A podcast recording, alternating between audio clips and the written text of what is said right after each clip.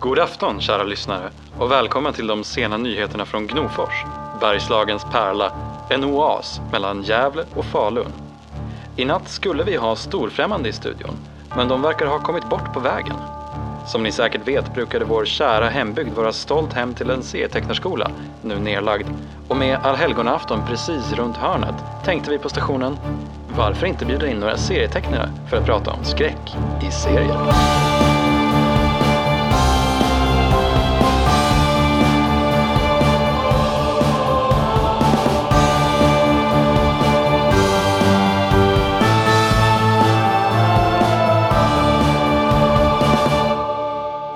Där var Mark Gaines med Manga-patriarkatet-jingeln. Manga-patriarkatet. Episod 6. Skräck. Chock. Kalla kårar. Om 43. Minuter kommer någonting hemskt att hända.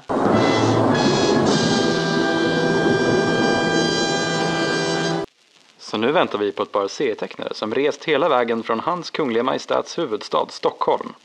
Jag hoppas att inget har hänt dem på vägen med tanke på att alla kommunens vägskyltar dragits in sedan förra månadens mystiska åskstorm. Men om de nu vore här skulle jag ha äran att säga direkt från Gnofors, det här är Lisa Medin, kan du snälla stänga av radion? Steph Gaines, varför satte du på radion och inte ville höra? Va? Jag slog inte på radion. Eh, men vad fan? Jag hittar ingenstans i den här byn längre.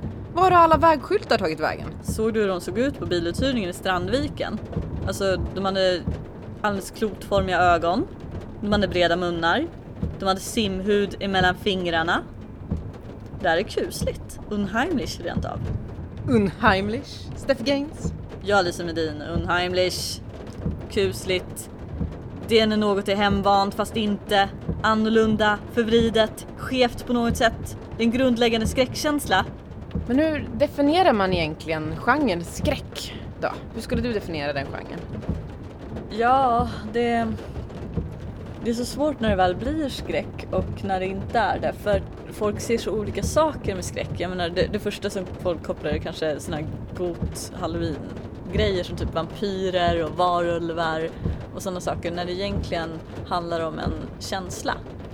Det jag kan tycka är lite förvirrande är också att det finns ju vissa troper, karaktärer och eh, grepp som är väldigt kopplade till skräck. Alltså Som vadå?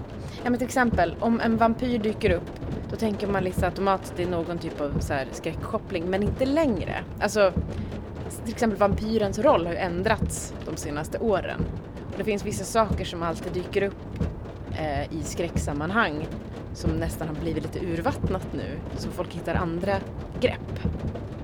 Till exempel så det här med body horror har ju blivit verkligen en grej men från början så kan man ju nästan jämföra det med halloween-grejen att du har en avhuggen hand i plast. Det är ju samma eh, grund kan man säga.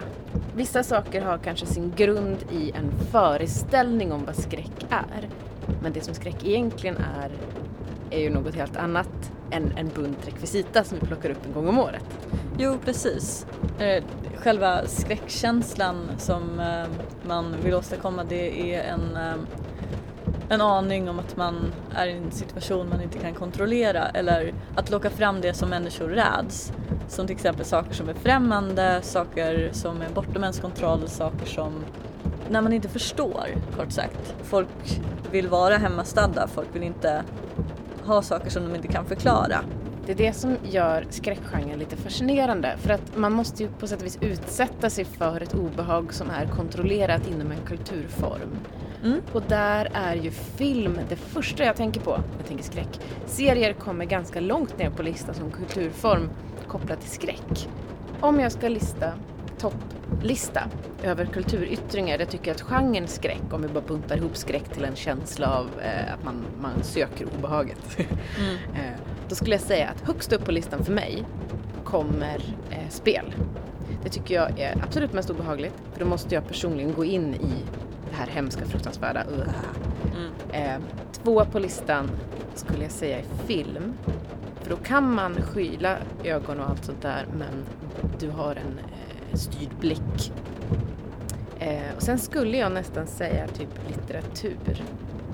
Därför att där kan du inte på samma sätt som i som till exempel serier så kan du liksom inte skanna av sidan och se vad som ska hända eftersom bilder är så direkta. Du kan liksom inte styra din läsning på det sättet.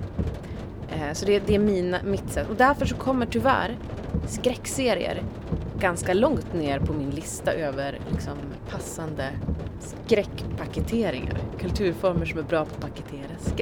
En sak som jag alltid brukar ha i bakhuvudet just när det gäller skräckfilm är att man gör gärna skräckfilm som skapare för att det är, det, det är den delen av film då man oftast får gå fullt ut. Man får dra så många effekter som möjligt, så mycket berättartekniska termer, så mycket ljud med mera som man inte helt och hållet kan göra i serieform.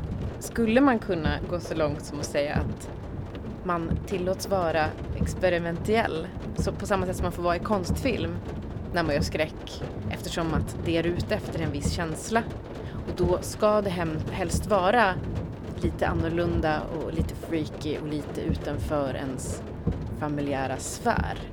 Är det liksom en helt galen tanke eller finns det någonting i det att man tillåts vara mer kreativ och lite konstig när man gör den genren? Ja, ungefär så. Och liksom att man får dra in mer av allt. Det är som extra extra allt. Mm. Att det När- bara är en fördel. Ja, det, det är liksom bara för det är att man får experimentera så himla mycket med så många delar av det. Eh, men det är just när det gäller film. Varför man väljer att berätta i serieform med skräckhistorier är väl en annan grej för att till exempel film är ju 70% ljud och den effekten har man inte i serier och precis som du när du jämförde det här med litteratur att i serier så kan man avskanna sidorna direkt, det kan man inte i text. Så då är frågan vad det är man kan utnyttja för att berätta så bra skräck som möjligt i serieform. Jag skulle spontant säga i sånt fall att man vinner subtiliteten eftersom att det är ett sånt direkt bildmedium så kan du smyga in fler detaljer som du kanske inte skannar av i första läsningen och det här tilltalar ju hela den dramaturgiska idén att du först planterar någonting och så får du uppföljning på det.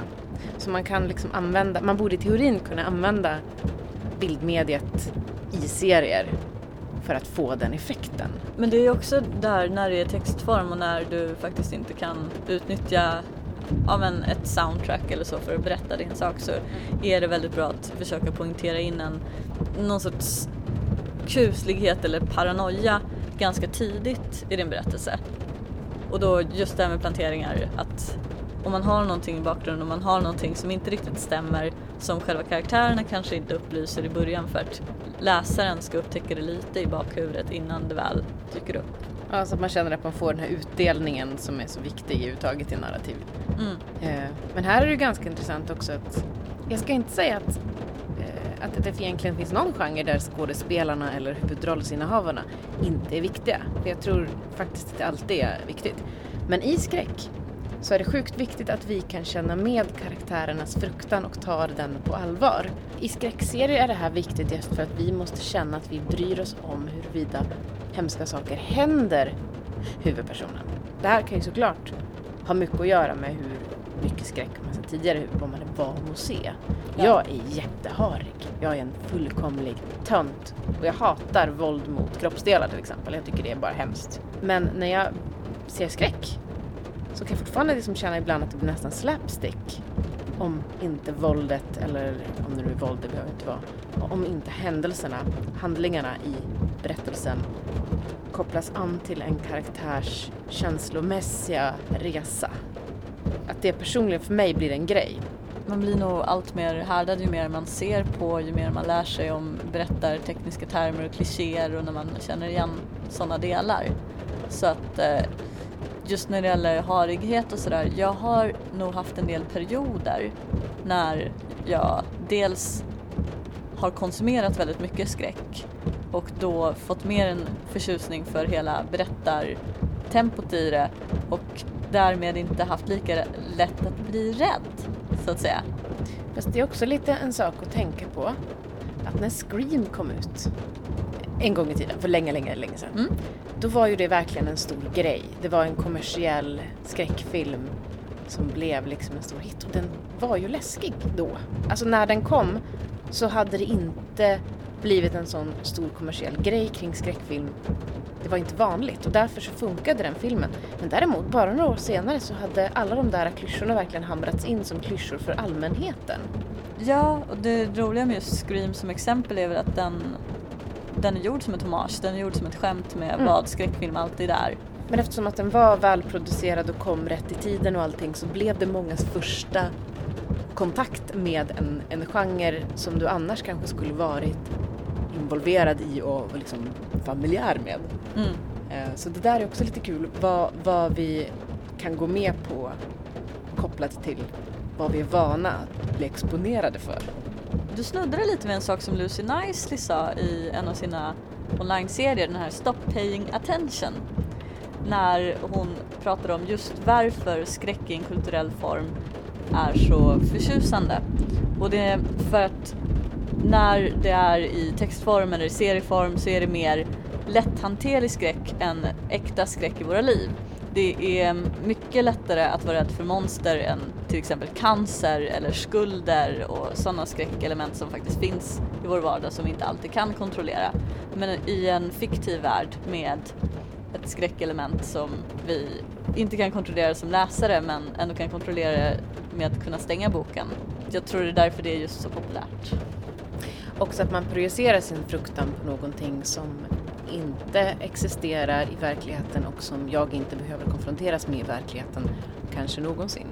Ungefär som så här, jag skulle kunna säga typ, jag hyser en fruktansvärd eh, fruktan för att mina eh, så här, släktingar ska dö. Det är ju ganska konkret. Det skulle också göra en slags effekt på mina vänner och kanske också skulle börja fundera på det. Det liksom blir läskigt och hemskt på ett annat sätt. Och det är, det är någonting konkret i våra liv som skulle kunna hända och som kommer att hända. Vi vet det, liksom, död. Men om jag istället då delar med mig av min fruktan för zombies och den är sann och den är på riktigt och jag hatar zombies och det är det värsta jag vet. Men jag vet egentligen djupt inne att jag förmodligen aldrig kommer träffa en zombie. Mm. Och då kan jag dela den fruktan och man kan mysa i den eh, föreställningen. Och man kan gotta ner sig eh, på ett annat sätt i den skräckfiktionen. Ja, för just zombies är ett så himla bra exempel på när det blir väldigt nära men ändå långt borta. För att som du sa, det är inte så stor sannolikhet att stöta på en zombie i verkligheten. Samtidigt just det här med att zombies är människor, att de är påklädda, att de är oftast ens egen, egna vänner eller släktingar eller grannar som har blivit omvända. Så att det dras upp som ett scenarium i ens vardag, Mm. men ändå helt omöjligt. Det är en helt absurd skräcksituation egentligen. Vi vet att det aldrig kommer att inträffa i verkligheten men det är väldigt lätt att föreställa sig ett scenario när det händer i verkligheten. För alla zombieberättelser är ju egentligen kopplade till att allt gått åt helvete och vi ser ruinerna och spillrorna av vår värld, vår vardag. Typ det ligger en sparkcykel där drälld i, i ett dike eh, och så hasar det förbi en skjortklädd man som typ saknar en fot. Och allt det här eh, sammantaget blir så himla välbekant och så jävla creepy. Som att något är skevt. Som att något är skevt. Det är nog därför som jag ofta kan tycka om eh, diverse serier och berättelser som inte helt och hållet är skräck utan snarare har skräckelement. Mm. Så att vi lär känna den här vardagen och de här karaktärerna och då och då händer det något riktigt creepy. Man skulle kunna summera det att eh, skräckfiktion fyller funktionen att vi blir kontrollerat rädda. Saker som är obehagliga kan vi uppleva på en nivå där vi fortfarande har möjlighet att stänga av, stänga boken eh, eller gå ut ur rummet. Jag är ju väldigt fascinerad av skräck, eller jag tycker väldigt mycket om att läsa sånt, även om jag tycker det är väldigt obehagligt rent ut sagt. Jag har väldigt svårt för det väldigt ofta. Som att man vill pausa, man vill inte att ljudet ska komma, man lägger ifrån sig boken när det är lite väl otäckt. Men det är fortfarande en känsla som jag förhoppningsvis inte stöter på i verkliga livet annars. Eller jag tror att det är svårt att stöta på det i verkliga livet för att det behöver vara en, fiktion för annars så kommer någon slags överlevnadsinstinkt att kicka in. Ja, Det, alltså, jag tror inte det är möjligt att reagera likadant på fiktion som på verkliga händelser Just för att vi har det här filtret. Så vi kan gotta ner oss i en skräckkänsla som vi liksom inte har råd att ha riktigt på samma sätt när någonting liknande händer i verkligheten. Jag vet ju själv hur jag reagerar på hemska saker. Jag reagerar ju med liksom förnekelse och iskallt strukturera upp saker, försöka lösa problem. Jag reagerar ju inte som jag tillåter mig att reagera när det är fiktionella karaktärer som råkar ut för fruktansvärda saker. Ja, jo men precis. Allting som utger sig från att vara skräck brukar inte alltid skrämma en dock. Så hur lyckas man förmedla den här känslan? Hur kan man göra folk rädda? Jag tror det mycket handlar om hur man lyckas läsa sig in i figurernas skräckupplevelser. Att deras upplevelser känns trovärdiga. Vad är det för fel på motorn? Eh, den verkar inte gå igång. Menar du att motorn har dött? Här ute? Det verkar inte bättre. Det, alltså ingenting funkar förutom radion. Varför? Men alltså, elen har ju gått. Den kan inte- Alltså jag tycker att det verkar allt mer klart att vi kommer inte komma fram i tid. Ska vi ringa stationen helt enkelt och fråga om de kan ta in oss imorgon istället? Eller om vi kan komma in senare eller någonting för vi kommer inte komma fram i tid till det här. Mm, visst, ringer du dem då? Jag har inte numret. Om du ger mig numret så kan Men jag. jag trodde de ringde dig. Var det, kontaktade de inte dig för det här? Nej, det var De dig. ringde, de ringde till mig. Va? Det var ingen som ringde mig.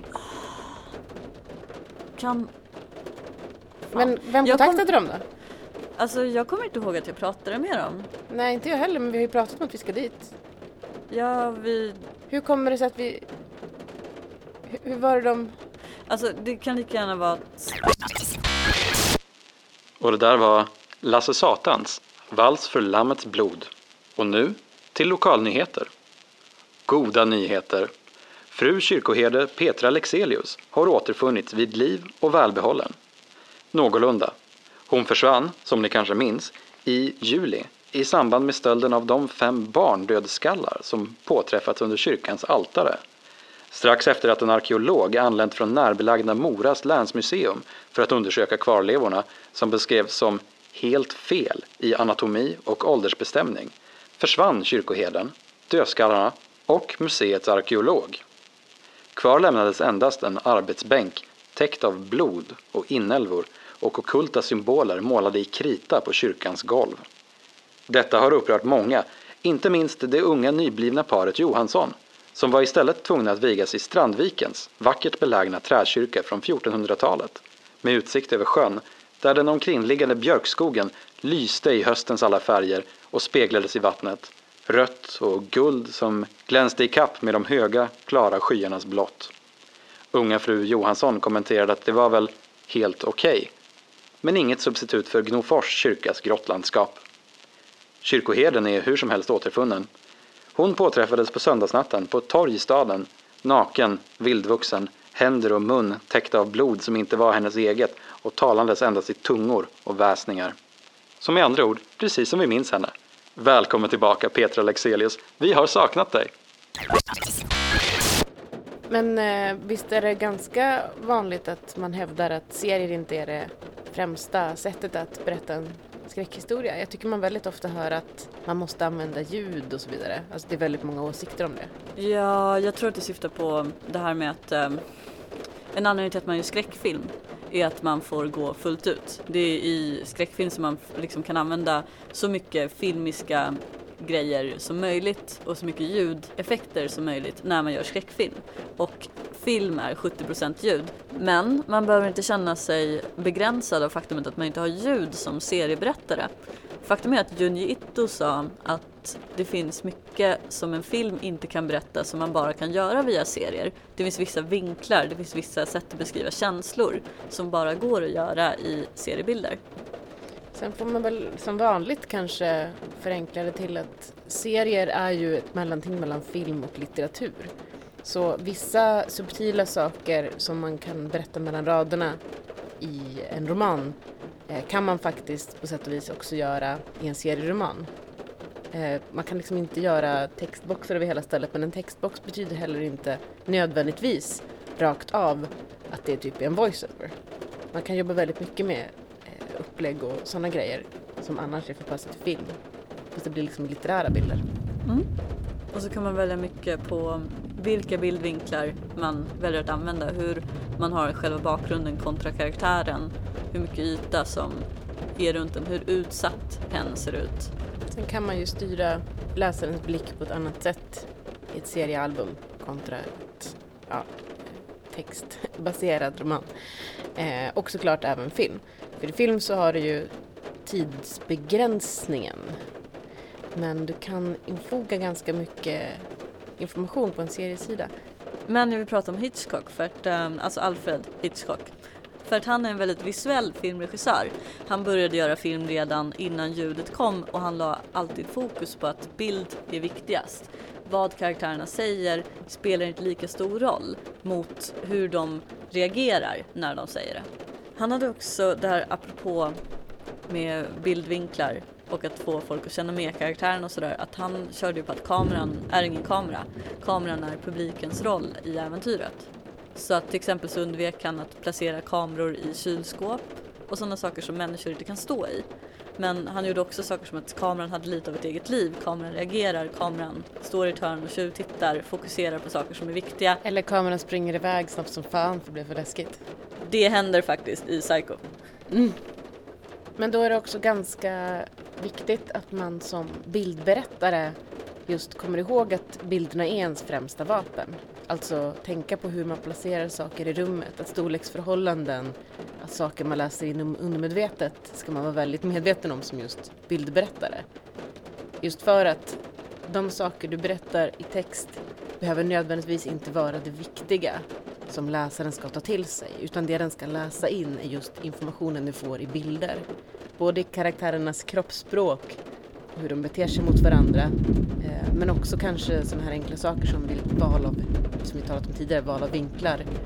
Eh, Är den här personen i beroendeställning till någon annan och så vidare. Sådana nyanser kan göra väldigt mycket. Mm. Och därför så kan det vara en poäng att, Det är någonting där ute. vadå? Alltså, se, ser du, det, jag tror inte att det är en bil. För att det är för litet, men det rör sig. Det kanske Nej. är någon som kan hjälpa oss. Men var pekar du någonstans? Jag ser inte. Men där, du ser vid träd. Nej. Jag kanske såg fel. Och det där var Gruvfrun med Min franska kavaljer. Och nu till lokalnyheter. Torparen Martin Öholm uppe på krönet skickar in en lite gladare nyhet. I sin senaste potatisskörd hittade han en riktigt rolig knöl. Ni återkommande lyssnare kanske minns att förra månaden hittade Martin Öholm en rova som såg precis ut som en spetälsk Gun Hellsvik. Den senaste skojiga klumpen, beskriver Martin Nyholm, tycks lyda under en icke-euklidisk geometri och ljuset verkar vrida sig på dess yta som dess blotta existens var en skymf mot universum, ett frö till en annan tid, en främmande och mörk tid som lovar galenskap, blod och eld. Martin Öholm kommenterar via telefon. Ah! Mm, det var väl en rolig nyhet. Vi lägger upp bilden på vår hemsida och kom ihåg att om ni hittar några egna roliga grönsaker kan ni lägga in en bild till oss där. Ah, ja, men eh, det där med att visa vad karaktärerna, alltså hur de det han menade, det var liksom att när, någon prat, när de pratar med varandra, hur ser deras blickar ut? Hur, hur eh, för de fram det? Hur är deras kroppsspråk? Det som du var inne på innan. Men sen så också var han väldigt noga med att eh, visa vad karaktärerna ser och hur de reagerar. Och det här tycker jag att man känner igen i vissa väldigt bra skräckserier också. Som att ja, men du ser karaktärernas ansiktsuttryck på vad som kommer hända innan du ser vad det faktiskt är. Typ Junjito gjorde väldigt ofta att de öppnar en dörr och man ser i sista rutan innan. Mm, man- Det sista man får se innan man får se vad de ser är deras reaktion på vad de ser så att man blir så att man får någon slags eh, föraning och att man bygger upp en slags förväntning innan man får utdelning och då blir effekten så mycket större för då måste man kanske tveka lite innan man vänder blad. Så då får man ju faktiskt den här chockeffekten som annars är svår i serier. Men han före, alltså han har ju väldigt mycket förebyggande, alltså han, han lägger ju in väldigt mycket hintar om vad som komma skall. Om man just det tänker på Uzumaki. Mm. Eh, det var ju vid något tillfälle där jag satt och läste och så såg jag liksom vad som skulle hända. Jag såg på karaktärernas reaktion på saker de tittade på i rummet, vad som skulle hända. Ja, för att han har redan visat Han innan har redan hur de, etablerat exakt hur de reagerar Ja, på vissa saker. Jo, eh, men det, det var ju också en sån här grej när det gäller att hur man visar hur saker händer. En sak som eh, är väldigt effektiv är att peka på det karaktärerna ser i händelsen. Ja men typ om, om vi skulle säga att någon hamnar i en våldsam situation eller så. Att du fokuserar med närbilder på till exempel händer, blickar, den enda nödutgången. Man behöver faktiskt inte ens visa blodet eller själva slagen i bild för att det ska ge samma effekt. Det kan ju däremot vara en bra idé att ge läsaren så mycket som möjligt av spelplanen. Att om läsaren vet att det här rummet är uppbyggt på det här sättet, det finns en yxa där, det finns ett fönster där, då kommer ju läsaren omedvetet att börja hitta lösningar i huvudet på den här liksom, uppdiktade paniken som den utsätts för. Så kommer man försöka vilja lösa det i huvudet lite grann eller försöka lista ut innan figurerna gör det. Så det blir också lite det här att man ska spela med läsaren. Eh, däremot en grej som är viktig är att man eh, pratar om det som att det är riktiga platser. Inte så här typ det hände i en liten by eller någonting utan Eh, det här stället som heter det här. Jag som heter det här, min klass Mm. i den här skolan. Man måste känna sig familjär i settingen som man får presenterat för sig. Mm. Men jag tror att det, det, att hålla storyn enkel eh, kan i sig vara en bra idé om just skräckelementet är det du vill lyfta fram. Jo, men det, det är nog väldigt viktigt att hålla det så enkelt det går så att eh, folk, så att det inte blir för många saker att hålla reda på. Utan man bara fokuserar på det som gör det spännande. Vad var det där? Vadå? Där borta, det är någon som går på vägen. Ser du? Vänta, vadå? Där, där jag kollade förut? Nej, alltså här borta. Ser du? Vid brynet där borta. Är det någon som går? Ja, men alltså det måste väl vara det. Den har ben i alla fall. Det kan inte... Vad, vadå, är det ett djur? Är det typ ett rådjur? Mm, Jag vet inte. Det, Vad- det ser ut som att vara en mänsklig gestalt, tycker jag. Men vad är det du menar? För jag ser ingenting. Nej men alltså, det, vänta. Vad fan? Jag kanske såg ut för dåligt, men fan, den var ju där. Var då? där äh, skitsamma. Okej. Ehm, Och det vi nyss hörde var förstås Povel Ramel med Varför har ni åkallat mig? Återbörda mig genast till min oroliga sömn eller förbered er på att möta min fasansfulla förbannelse. Och nu, några telegram. Vår egen nattklubb och kasino, Depå, ett Las Vegas vid riksväg 80, vill meddela sina nya öppettider. Klockan 19.30 till 19.47, 20.00 till 23.00 och 01.00 till 06.06. Fritt inträde för damer mellan 21.00 och 21.14. Happy hour mellan 20.00 och 30.00.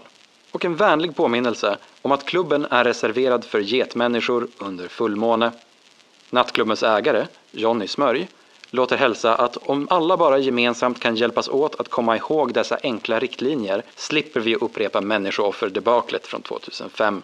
Han låter meddela den svarta geten har tusen unga och av brandsäkerhetsskäl kan vi inte tillåta fler i lokalen. en sak som man kan använda för att berätta snabbt hur en karaktär är, är ju att använda sig av troper och klichéer. Men, Ehm, problemet är ju, eller så här, det som är användbart om vi ska börja andra änden med klichéer är ju att vi har vissa förväntningar på en karaktär när vi presenteras med en viss uppsättning egenskaper. Och det kan vara väldigt bra.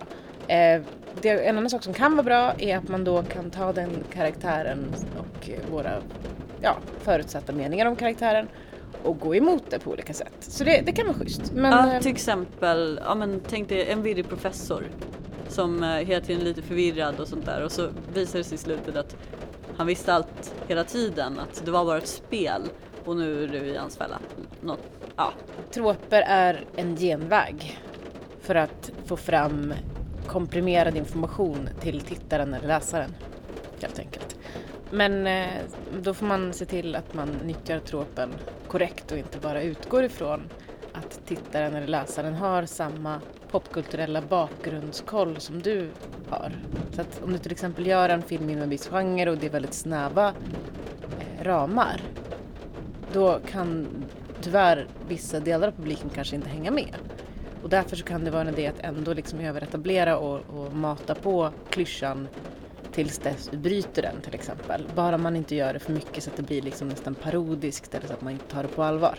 Så man får balansera det lite grann. Ja, och sen också att väldigt viktigt att karaktärernas val som de gör i stundens hetta är utefter vad som kan hjälpa dem ur situationen, hur de kan tänka i just den situationen, vilket gör dem mer mänskliga och i samma plats som läsaren.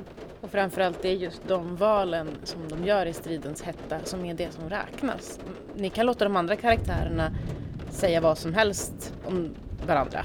De kan påstå grejer eller liksom viska till varandra och hit, säga saker som är till läsaren eller tittaren. Men i slutändan, alla karaktärers personlighet definieras av hur de agerar i olika situationer och även deras plats i berättelsen. Inte minst i en skräckberättelse, vilken roll de får där. Mm. Som söndrare eller sammanförare. Ja. Ja, och eh, sen jag tänkte också på det, för, jag- för att du pratar om det här med att det fortfarande är väldigt viktigt att karaktärerna själva tar sig ur sina situationer. Såg du det där? Såg du? Ja. Såg, såg du? Jo, jag, jag såg, jag såg. Ehm, vad, ehm, det- Va? Va? Men du, radion är igång. Det måste ju vara, bilen måste ju ha... ehm, det, det måste vara batteriet flippat. Det, det måste ju vara något sånt. Ja, st- strålkastarna blinkar till där också. Det, det, det måste vara därför det så- såg ut som att det stod någon där. Men det, det gör det ju inte. Det, det kan, eh, ja. För du, du såg också... Ja, det, alltså det såg ju ut som någon det såg, det såg ut som någon som Det måste, måste bara vara... Låt oss inte Ja. prata om det här. Det, Eh, Och det där var förstås Sven Arnes leende guldbruna ögon. Tusentals leende guldbruna ögon som stirrar på dig ur nattens mörker. Ögon och tänder. Ögon och tänder. Slutligen vill vi påminna om att Gnofors P16-lag möter Strandvikens Ditto i hockeyderby nu på tisdag i Torsåkers ishall. Det är klart att så många som möjligt av oss ska vara där för att stödja våra modiga pojkar. är det inte ganska vanligt när man nu tänker efter att eh, just använda humorelement för att eh, förstärka en absurd och grym situation? jo, faktiskt. För att eh, humor och skräck är närmare än vad man tror. Båda går ju i alla fall på den här eh, chockeffekten Ja, man vill komma åt. Till exempel det och det är lite så här um, pirrar genom kroppen fast på lite olika sätt men samtidigt. Ehm, Båda är ju liksom till för att överraska dig så det är inte så långt ifrån ändå. nej, precis. Och sen så, jag tror att just när man gör typ skräckserier och eh, saker som ska vara läskiga, då är det så lätt att falla i att det bara blir fånigt och roligt istället. För, och då är det ganska bra att dra in humorelement som väldigt tydligt är humorelement så att läsarna kan få något annat att skratta åt. Men också att eh, humorn i sammanhanget blir så absurd. Alltså att det är en situation där man redan är på helspänn för att man förväntar sig att någonting ska hända. Och så får man ytterligare ett så här chockbaserat element att hålla koll på. Nämligen det här att man förväntar sig en utlösning på det här skämtet som pågår. Till exempel att någon, man är liksom helt inne på att vår huvudperson har någonting som den måste slutföra.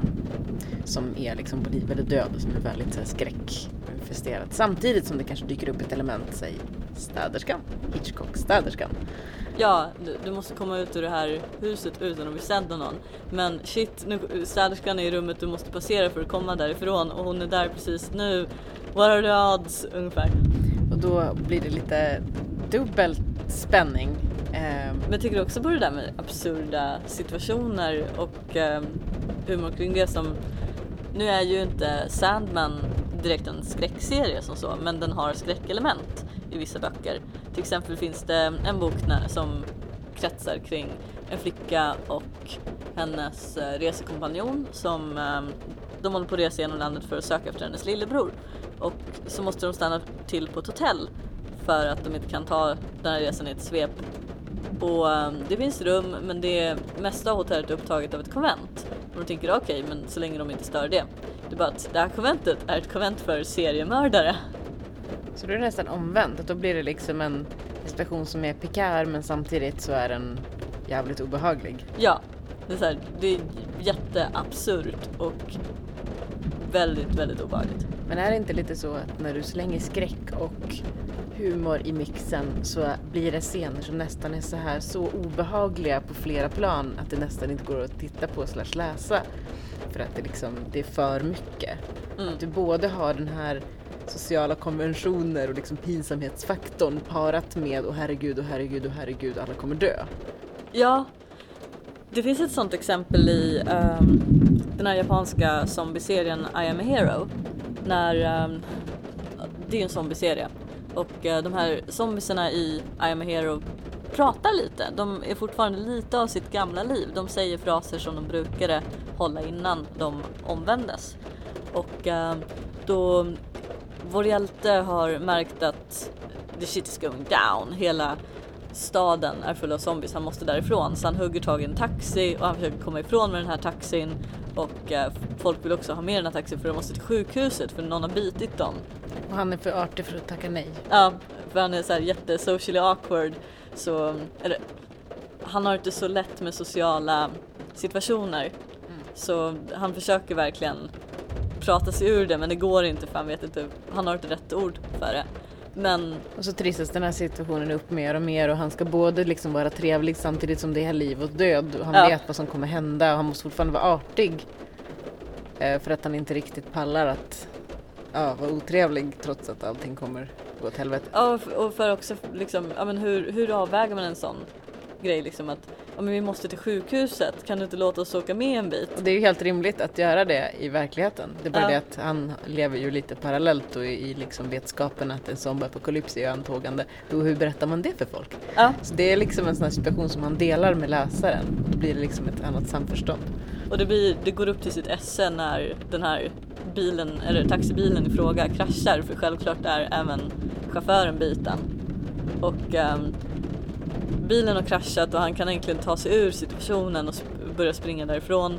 Och eh, chauffören har börjat omvändas till zombie. Han har åkt igenom fönstret för bilen är kraschad. Han, han är ett brin, lite av ett brinnande lik. Och då säger han liksom det blir 750 eller så och huvudpersonen är liksom Åh herregud, ja såklart jag ska betala för taxin och springer tillbaka för att betala för den här resan med zombies till ett brinnande lik. Och lägger pengarna en bit bort och är väldigt artig. Ja, jag lägger dem här, jag lägger dem här, okej du, du kan ta dem när du kan liksom. Hej, hej då. Den situationen funkar ju delvis för att vi allihopa känner igen oss i att vara i en situation som man desperat vill komma ur men där man liksom kanske inte kan förklara vissa omständigheter samtidigt som det är en, en direkt livsfara. Mm. En skräck liksom element då. Eh, och då blir ju humorn en helt annan grej. Eh, jag vet inte om det funkar alltid på alla plan men eh, när det görs rätt så kan det bli väldigt eh, tuff effekt av det. Ja, det ger läsarna två olika grejer att hålla koll på. Att det skiftar fokus lite. Mm, så att den kan förhöja upplevelsen. Ehm, ett exempel från spel, det är ju inte riktigt samma, eller det är kanske motsatsmediet nästan, spel och serier skulle jag säga. Ehm, där finns det ju ett roligt exempel i den nya spelkonsolen Oculus Rift där du i princip tar på dig en VR-hjälm, alltså en virtual reality-hjälm och du ser dig om i världen då, spelvärlden samtidigt som du spelar. Och då finns det ett skräckspel som går ut på att du sitter i en soffa i ett nedsläckt hus och du spelar ett skräckspel på en eh, plasma-tv. Du sitter med spelkontrollen i handen i verkligheten då eh, och du har på dig den här VR-hjälmen och du kan se dig om i rummet och du kan också välja att bara titta på TVn.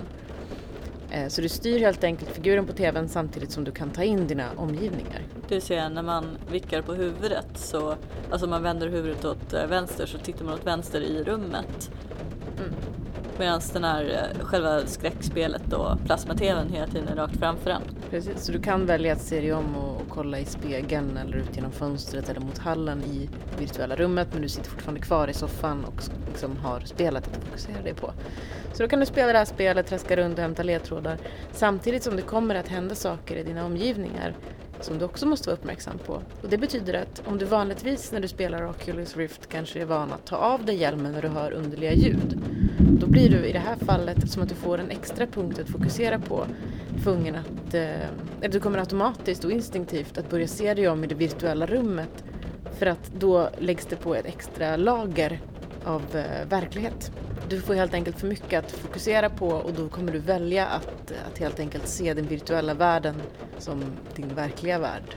Och lite så tror jag kanske funkar när du lägger in flera element i en skräckserie. Att plötsligt finns det flera saker på spel eh, och du måste liksom skifta din uppmärksamhet.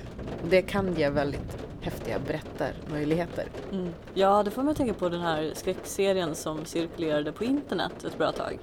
Ehm, jag precis som du hatar screamers. Men ehm, Screamers är ehm, när du plötsligt tittar på en webbsida eller vad som helst och sen plötsligt dyker det upp någonting och ja, precis som det antyder, ofta högt ljud, eh, tydlig bild. Det kan vara en animerad bild, det kan vara en vanlig enkel bild och ett högt ljud till. Men det är till för att skrämmas. Ja. Eh. Hatar det. jag tror att oftast brukar de ha typ ja, men en bild från Exorcisten och så ett skrik. Hatar den bilden. Jag med. Jag, jag sitter ofta när, så fort som det är en väldigt lugn Youtube-film så sitter jag med eh, händerna mot öronen och ögonen och så här, nej, nej jag kommer inte kolla vidare på det här för det kommer bli en screamer. Liksom, jag, jag är lite för paranoid för det. Men det var en koreansk serie som cirkulerade på internet för något år sedan Oj, okej. Och ehm, den, eh, det var liksom en online-serie som man läser uppifrån och scrollar neråt. Och den var ruskigt snyggt tecknad. Och den cirkulerade genom att folk postade med att ah, den här är väldigt intressant. Eller har, har ni sett den här? Intressant berättarkrepp brukade folk säga och lura in en i fällan. Ja, och då är det liksom, det är en tjej som är ute och går i skymningen längs en gata. Det är jättesnyggt, det är verkligen varenda kullersten hon trampar på. Det är jättesnyggt ljus, allt är färg och sånt. Och så ser hon någon som går konstigt framför henne. Och då gör den här um, webbsidan greppet att den scrollar ner förbi alla rutor åt dig samtidigt som den här karaktär, äh, gestalten hon ser framför sig vrider huvudet 360 grader. Och sen eh, om man vågar titta vidare, vilket inte jag gjorde först, eh, för jag bara skrek och stängde för att jag är en tönt. Det gjorde jag med. Eh, då, då, om man fortsätter serien, då kommer den rasslande mot dig. Ah. Fy fan. Ehm, men då var det liksom att man blev, det som gjorde den så otäck var att man var så fokuserad på fan vad snyggt tecknad den är, scrollar långsamt ner och så plötsligt så gör den någonting man inte var beredd på. Framförallt det här att när du läser en serie så är du van att du har kontroll över läsandet. Alltså det är en för och nackdel du har med serier.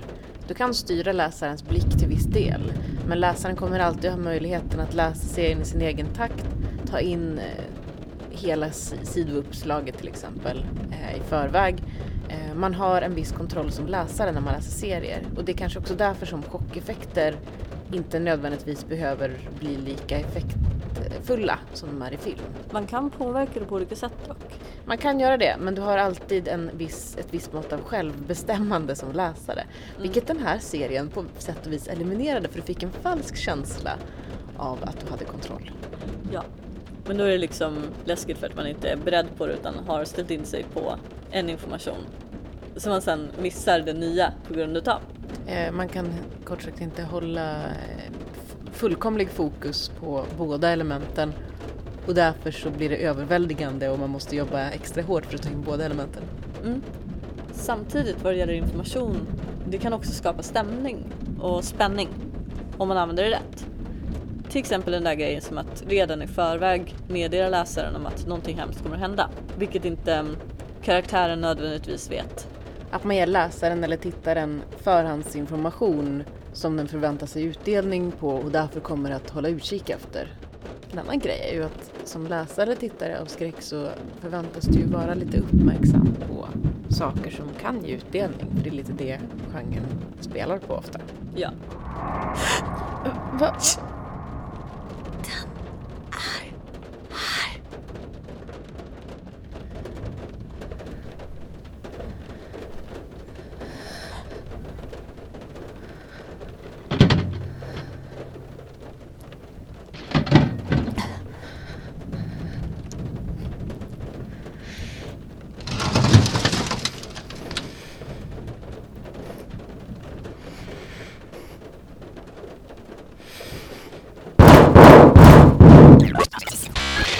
Och det var Orsa Spelmän med Aldrig mera Gnofors. Och nu trafiknyheter. Vi vill göra en påminnelse om att hastigheten är sänkt på grund av ombyggnadsarbeten på riksväg 66. Kommunens talesman har utfärdat en varning för så kallade vandrare, men lämnade sedan presskonferensen med en ICA-kasse full med burkar av soldatens ärtsoppa och Norrlandspölsa, ropandes “Var man för sig själv”, vilket är lite problematiskt eftersom vi nu har ett könsneutralt pronomen och man kan lika gärna använda det. Polismästaren låter hälsa att november är rattnykterhetsmånad. När rattfylleri inte bara är olämpligt, det är förbjudet. Men oroa er inte. Snart börjar december och poliskontrollerna kommer dras in för vintern.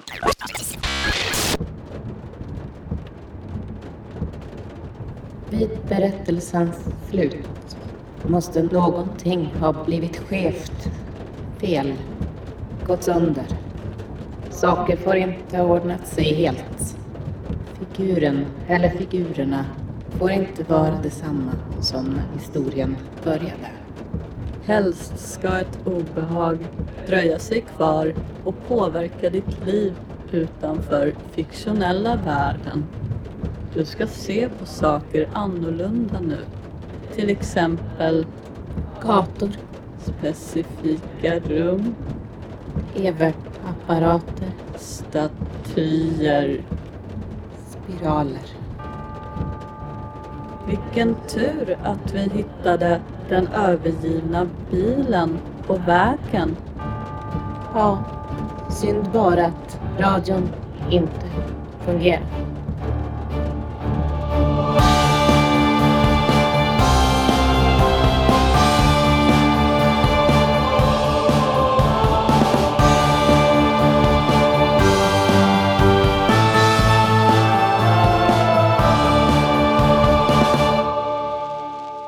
Har lyssnat på Manga-patriarkatet, episod 6. Med och av Steph Gaines och Lisa Medin. Gästspel av Björn Åkerblom. Vi vill tacka Olof Falk för teknik och Mark Gaines för klippning. Delar av detta avsnitt är ett hommage till Commonplace Books podcast Welcome to Night Vale. Om ni hungrar efter mer, likt de tusen käftarna som väntar i avgrunden hungrar efter människokött, besök oss på mangapatriarkatet.se